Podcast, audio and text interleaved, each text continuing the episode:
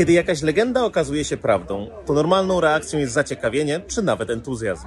Tym razem powód jednak może też wywoływać zaniepokojenie. Badacze z ESETA odkryli pierwszy publicznie dostępny bootkit, który jest w stanie omijać zabezpieczenia Secure Boot. Publicznie, bo wcześniej spotykali się już z podobnym oprogramowaniem, ale teraz różnica jest taka, że każdy może je teoretycznie kupić.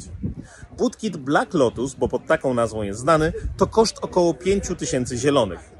Wykorzystuje on lukę znaną od ponad roku i działa na bardzo niskim poziomie, co pozwala mu na dostęp do praktycznie całego systemu swojej ofiary, omijając wszystkie zabezpieczenia i to nawet takiego pracującego pod kontrolą zaktualizowanego do najnowszych wersji Windowsa 11. Co ciekawe, niektóre jego wersje nie działają na urządzeniach z lokalami ustawionymi na Rosję, Białoruś, Ukrainę, Mołdawię, Armenię czy Kazachstan. Zainfekowane urządzenia stają się częścią botnetu, choć na razie nie jest ich wiele, bo samo oprogramowanie o dziwo nie stało się wybitnie popularne. Więcej szczegółów znajdziecie w opisie.